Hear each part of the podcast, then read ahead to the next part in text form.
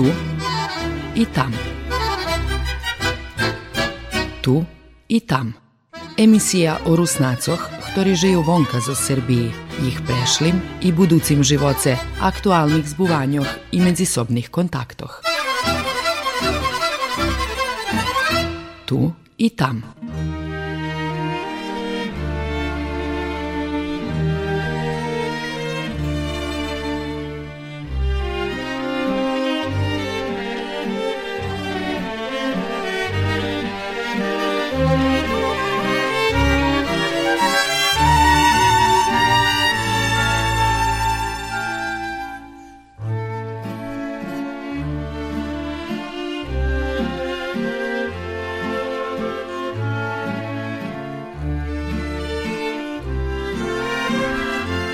Dobrý deň, počitovaní slucháče.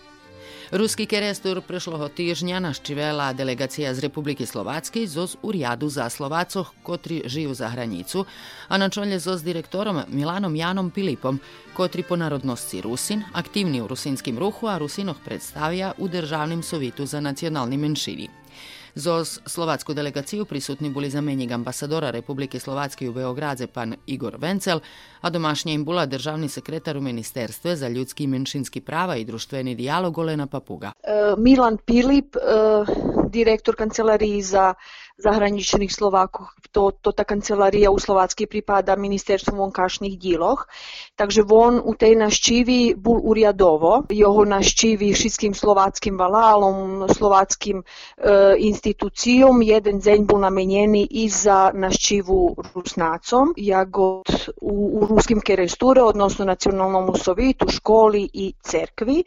Teraz či to Milan tak sel, či to tak odredzela kancelarija, alebo dahto z ministerstva vonkašných dialog, ja som mu ščiro ani nepýtala, ale e, думам, že dobre, že nás naščível i že prišlo, prišlo patric i, i Rusnácoch. Slovácky valali, kulturno-umetnické društva, cerkvi, Zavod za kulturu vojvođanskih Slovácoch i tak dalje, ali prvenstveno prišlo i preto, že slovácka vlada namenjela 3 milioni evra za terašnji šafarik. E, to tu portu, naj povem, e, šafarik terašnjiše bude valjac, ali to tu portu cerkva, e, evangelistična cerkva, odnosno ih biskupija, ktoré še tam tako i nahodzi, vladičestvo, e, podarovali e, Slovacom. I vlasnik tej, tej najpovem toho veľkého budinku bude nacionalni sovit e.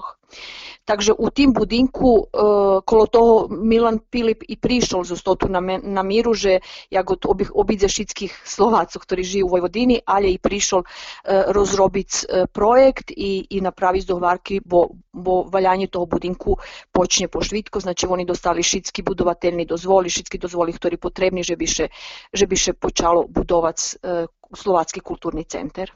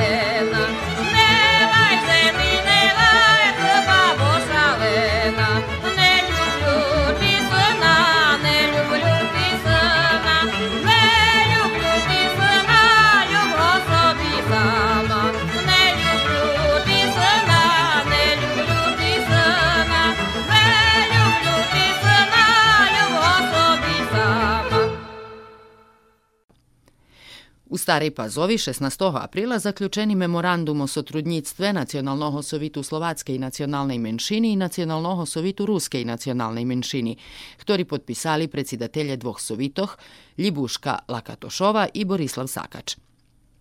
Memorandum ma sedem točki opštoho charakteru i nie ograničuje samostojne i nezavisne djelovanje potpisnikoh, a u točki 2 precizovane, že mu cilj unapredzenie odnošenjoh medzi Slovatsku i Rusku menšinsku zajednicu u Republiki Srbiji, medzi kulturne sotrudnictvo i pripoznavanje tradicijnih i istorijnih vrednostov dvoh narodov u Vojvodini, jak iskustvoh u oblasti kulturi, obrazovanja, informovanja i službenoho hasnovanja jazika i pisma. Na potpisovanju memoranduma o sotrudnictve nacionalnog sovitu Slovacoh i nacionalnog sovitu Rusnacoh po pričolnikoh dvoh sovitoh prisustvovali i državni sekretar u Ministerstve za ljudski i menšinski prava i društveni dijalog Olena Papuga i predsjedatelj u Rjadu za zahraničnih Slovacoh Slovatske republiki Milan Jan Pilip. Posle naščivi e, ruskomu keresturu, ktorý bol v stredu, znači Milan Pilip naščivel školu, e, gimnaziju, jedinstvenu školu na ruskim jaziku i gimnaziju u Republiki Srbiji, e, naščivel Nacionalni sovjet Rusnacov, a naščivel i Grekokatoličku cerkvu. E, sporozumenje o međusobnim sotrudnictve Nacionalnog sovitu Rusnacov i Nacionalnog sovitu Slovacoh,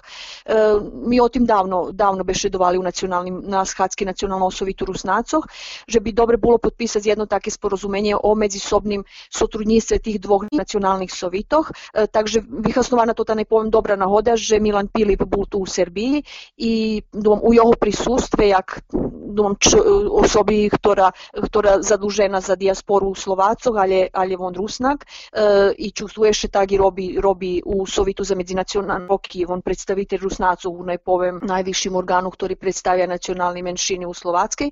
Takže dobre, že to podpísan, to memorandum o zajednickim sotrudnictve potpisani prave u jeho prisustve u Starej Pazovi pijatok. Mm, toto sotrudnictvo medzi tima dvoma nacionalnima sovitami u pohľadze organizovanja zajednickih odhodov do inožemstva mm, naših školjarov peršenstveno najvecej, e, druženja i tak dalje, naščivjovanje međusobnih, e, pravenje međusobnih kontaktov, ali i rješovanje zajednickih problemov, sektori i naša i slovatska zajednica maju, maju u oblasti, najveći u oblasti obrazovanja, a i u drugih oblasti, ktorý predvizuje zakon o nacionalnih sovitoh. Ja dúfam, že to baš dobre, pretože náš nacionalni sovit najveće i komunikoval doteraz i, i, i kontaktoval i, i radzel še zos, zos nacionalnim sovitom Slovacov, može budzi pretože um, máme najpoviem taký najočivisnejší e, problemi, a dotikajú še obrodzi prave e, Slovačka, Svetlana Zolňanova, takže dúmam, že to i, i to jedna, jedna od príčinov, že, že so Slovacami budeme riešovať v jedno všetky problémy, ktoré našo dva, dva zajedníci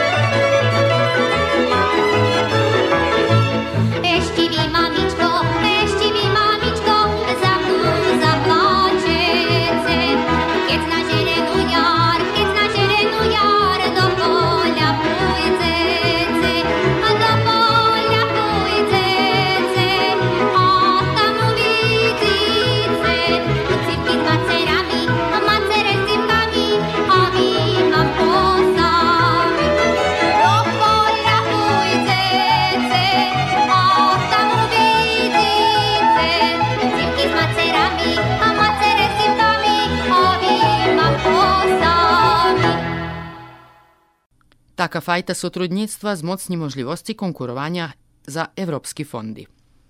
mi mamy najpowiem tot hendikep rusnaci, że nie mamy matičnu državu, takže še mamy dejaki problemi, kad nas treba u dačim potrimac, treba može buc nas potrimac u vidavanju učebnikov, kad nas treba potrimac u rižnih naših problemov, Kde bi dobre bilo, kad bi za nami stala, stala matična država. No, poneže ju nje e, dobre, že bi sme mali holjem dobri kontakti zo državami, zo storih sme priseljeni. Znači, ja dumam, že posle toho, toho memoranduma, sektor naš nacionalni sovjet potpisal zo, zo nacionalnim sovitom, že mm, bude budu potpisani memorand, isti taki memorandumi, napriklad iz s poljskim nacionalnim sovitom.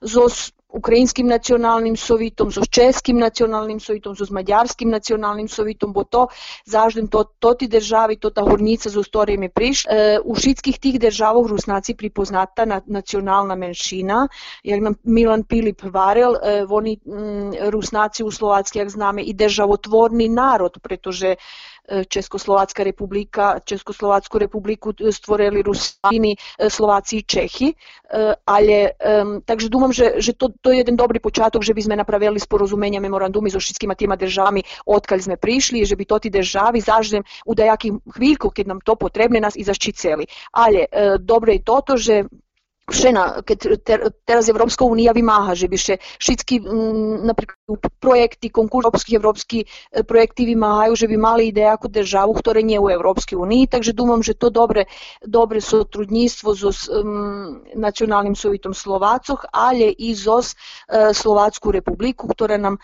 verím, že pomôže.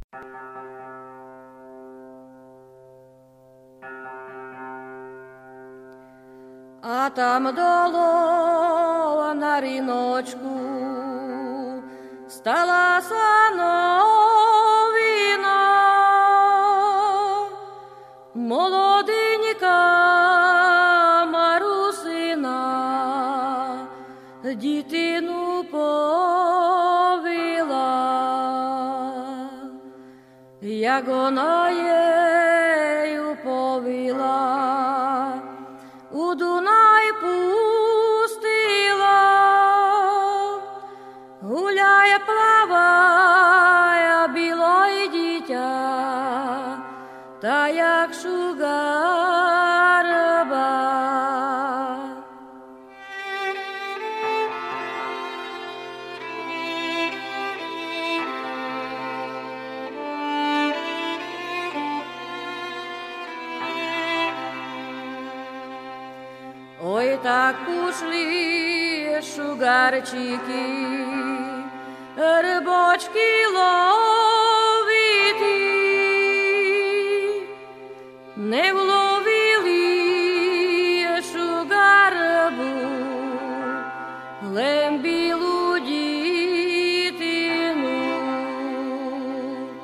Прийшли вони додомойки, стали до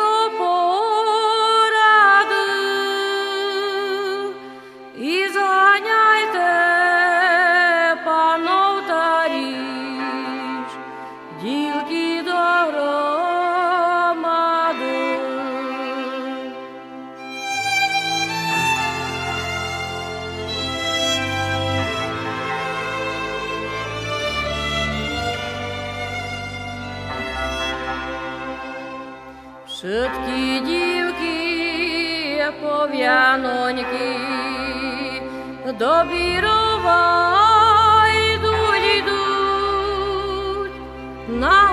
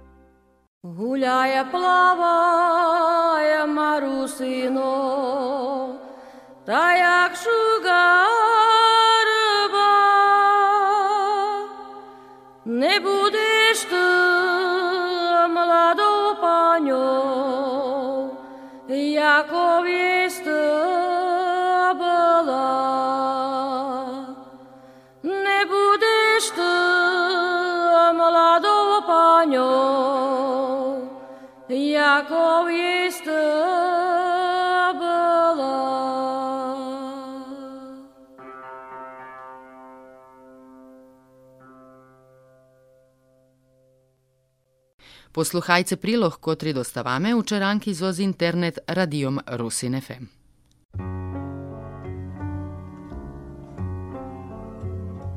Pripomienka Rusene majú mnoho svojich putnických marianských míst, a to nelen tu v Karpatách, ale i na Nižní zemli, kde žijú už dakilko stoliť vojvodenské Rusene. Keby ste išli posmotrieť i našich Rusenív do ruského krestura, bizovno by vás vzali i do Vodici. Že neznáte, što to? Najstarším dokumentom o Vodeci je písmo sviaščenika v ruským kerestúri Joana Kopčaja do Krežovackého vládok z 1827 roku. Vin bol najbližšej zjavleniam, ktoré tam mali prochodety i dávať taký opis.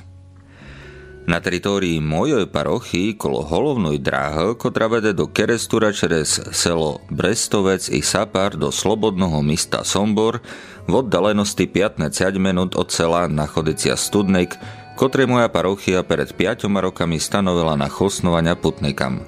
Kolo toho Studneka môže pred rokom, des v tým samým časi, dakilko tutešných divčat videlo nezvyčajné zjaviňa, ktoré vodávalo i sebe tylko svitla, že toto divčata, prestrašené od bleskote svitla, vtekli od studneka i pišli dále po inči dorozi vidiači toto zjaviňa i z väčšej dalekosti.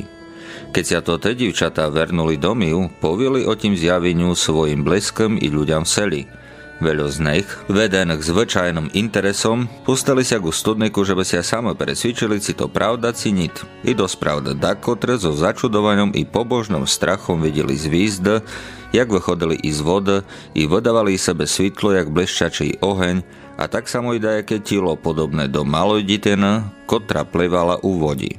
Toto sa povtorialo i neperestávalo. Toto čudesné pojavlenia, što ich často videlo mnoho ľudí i v rízním časi, keď išli do znania národa, zrobili také zainteresovania, že dnes už nelen moji vírn, ale i národ, ktoré nás okružujú, chodiať ku vrše spomianutomu studneku i kolo ňoho pobožno moliacia i spívajú duchovné písni. To pesal kresturskej paroch Vladakovi. Perše nezvyčajné zjavenia bolo 7. júla 1817 roku, keď kolo studneka nočoval jeden robetník. Vin mal čutý pidzemnej šum, ale i vidíti čudesno oblečenú prekrasnú pani. Po 5 rokách od toho stalo sa až tos o mnoho väkšie. Zjavenia, ktoré bolo u 1822 roci, preneslo zainteresovania o vodiciu po celý okolici. 6. júna 1822 roku o 11 hodine dopoludne dvi divky, Jelizaveta Ramač i Jelena Vyslavsky, videli čudesnú divu bar s krásno oblečenú. Tak zjavenia boli bar často v 1820 rokách. Perša komisia pro vodiciu venekla u 1830 roci, keďže tam odbývali sa mnoho zjavenia, ale i uzdravlenia. Ďalšie komisii boli pízniše na žádosť keresturského parocha Janka Gvožďaka, že by sa mohla u Vodici budovať cerkov, Vladeka Križovackej 29. marca 1857 roku prosiť o informáciu vice archidiakona Bačského Šouša i Vin 30. júla Vertacia i dávať svý pozitívny verdikt v tým prepadi. Potím Vladeka dozvolil budovania kapličky. Môžeš si spomenúť takú podiu. V roci 1853 na druhý deň po prázdneku sošestvia hrad pobil bar z poľa. Od vtod každý rík na tretí deň potím siati ide sia s procesiou do Vodici. Vodica je voznačnom putnickom centrom Vojvodenského Ruseneju. Stojí tam prekrasná cerkov, človek tam nájde techo, poky, môže sa pomoleti, popozerati sa doukola po tej rivneni, na kotri našo Rusena Тепер в часі пандемії не мож барс подорожити, але кедь уж буде мож іти десь, і ось я виберете до Сербії, навшивте і наших русинів. Ідте до Керестура, бізовно вас заведуть і до водиці. Шумний тиждень вам жечить Петро Медвідь.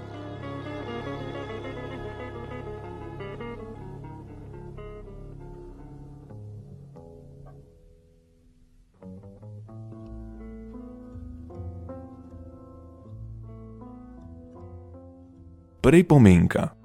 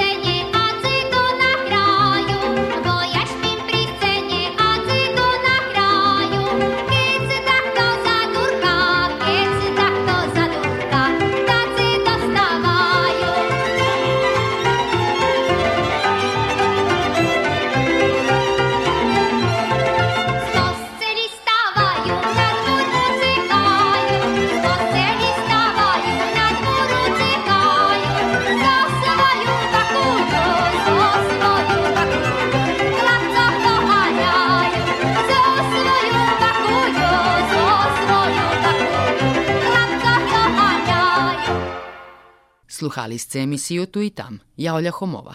Do posluhanja. Tu i tam. Tu i tam. Emisija o Rusnacoh, ktorí žijú vonka zo Srbiji, ich prešlim i buducim živoce, aktualnih zbuvanjoh i međusobnih kontaktoh. Tu i tam.